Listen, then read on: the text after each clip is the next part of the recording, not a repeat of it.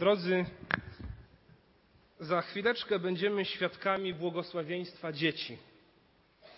To taka szczególna uroczystość, którą mamy, myślę, że około dwa razy w ciągu roku.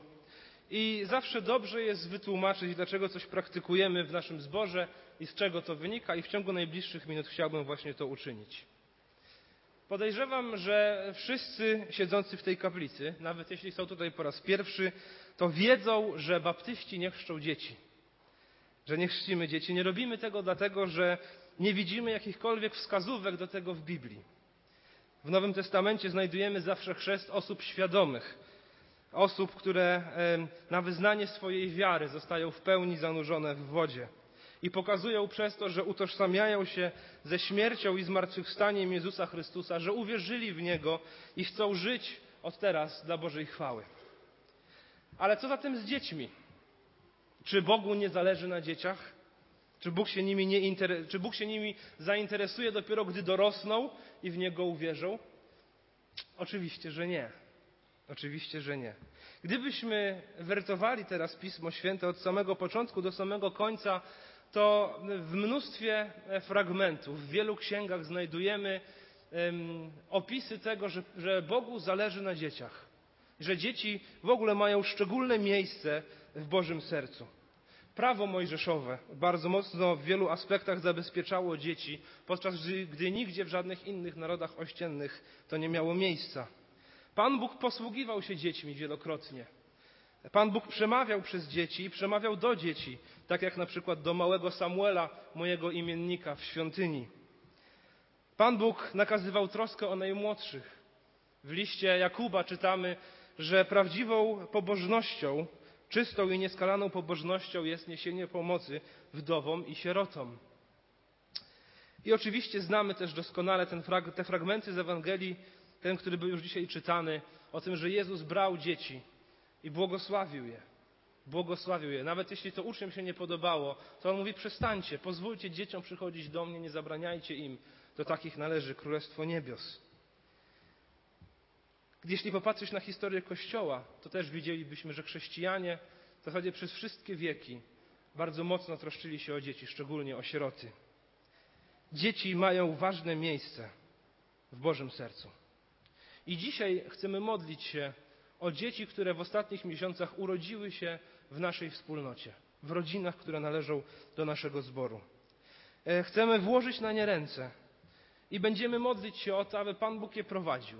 Chcemy modlić się o to, aby Pan Bóg trzymał je w zdrowiu. Chcemy modlić się o to, aby, abyśmy my jako rodzice, bo też i moja córka Hania, o nią będziemy się modlić, byśmy mieli mądrość, gdyby Pan Bóg nas obdarzył cierpliwością i taką umiejętnością do tego, by, by dzieci wychowywać.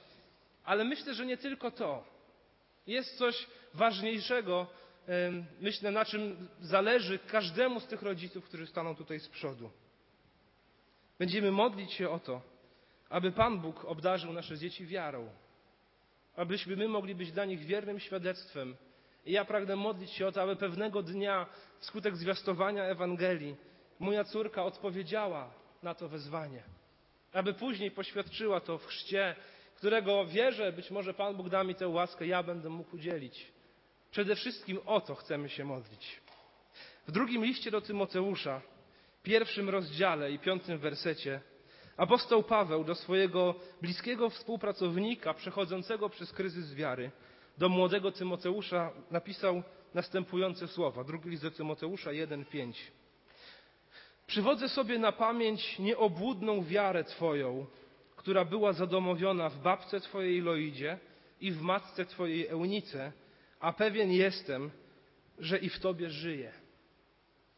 Drodzy, skąd Tymoteusz miał, nie chcę powiedzieć odziedziczył, ale kto mu przekazał wiarę?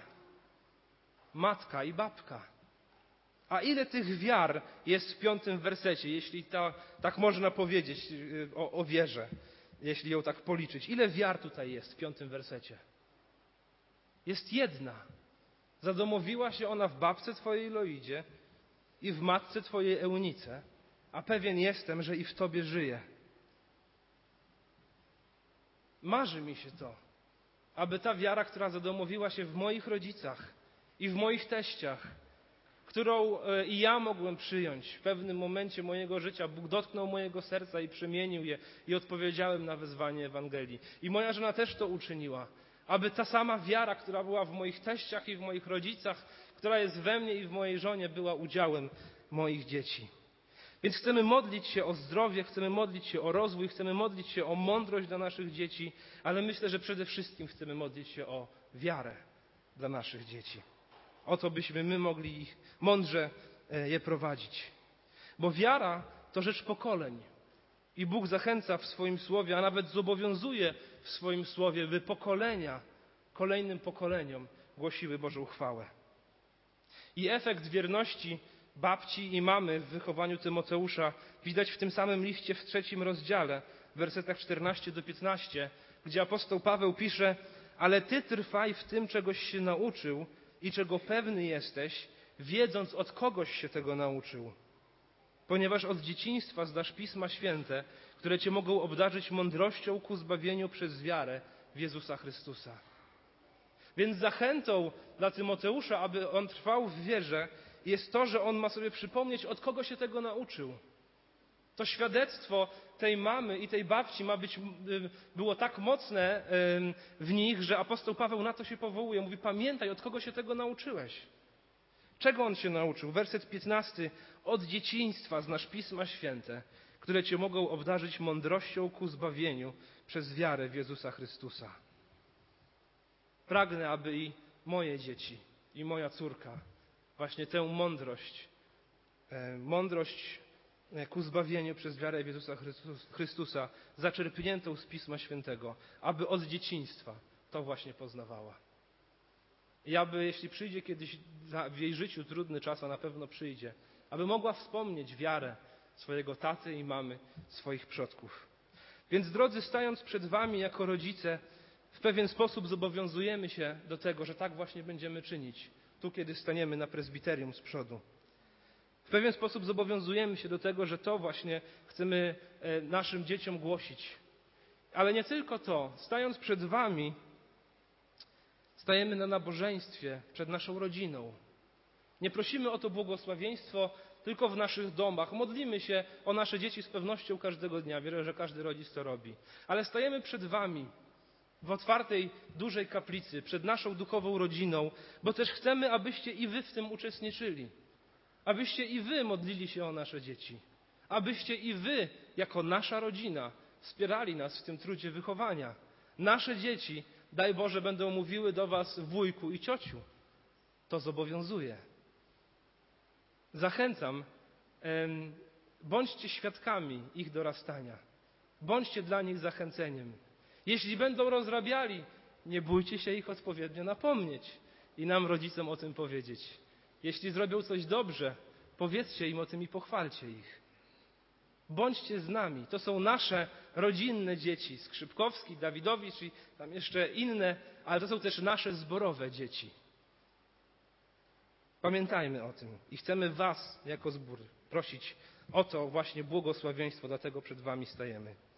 Podsumowując, Dzieci są dla Boga ważne. Nie ma co do tego najmniejszych wątpliwości, patrząc na przekaz Pisma Świętego. Nie chrzcimy ich, ponieważ Nowy Testament mówi o chrzcie na wyznanie wiary.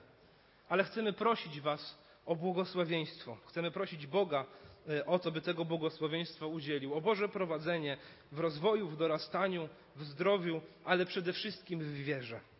I prosimy też o nas, o rodziców, Chcemy modlić się o to, byśmy i my potrafili te dzieci odpowiednio prowadzić w ich rozwoju duchowym i być dla nich świadectwem wiary.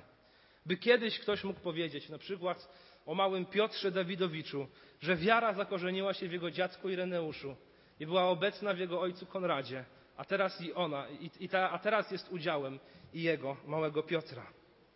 Prosimy tym samym i Was, zbór, byście w tym nas wspierali i byście również mieli wkład w to wielkie dzieło, które powierzył nam Bóg, bo jesteśmy jedną wielką duchową rodziną. Dlatego właśnie będziemy błogosławić dzieci. Amen.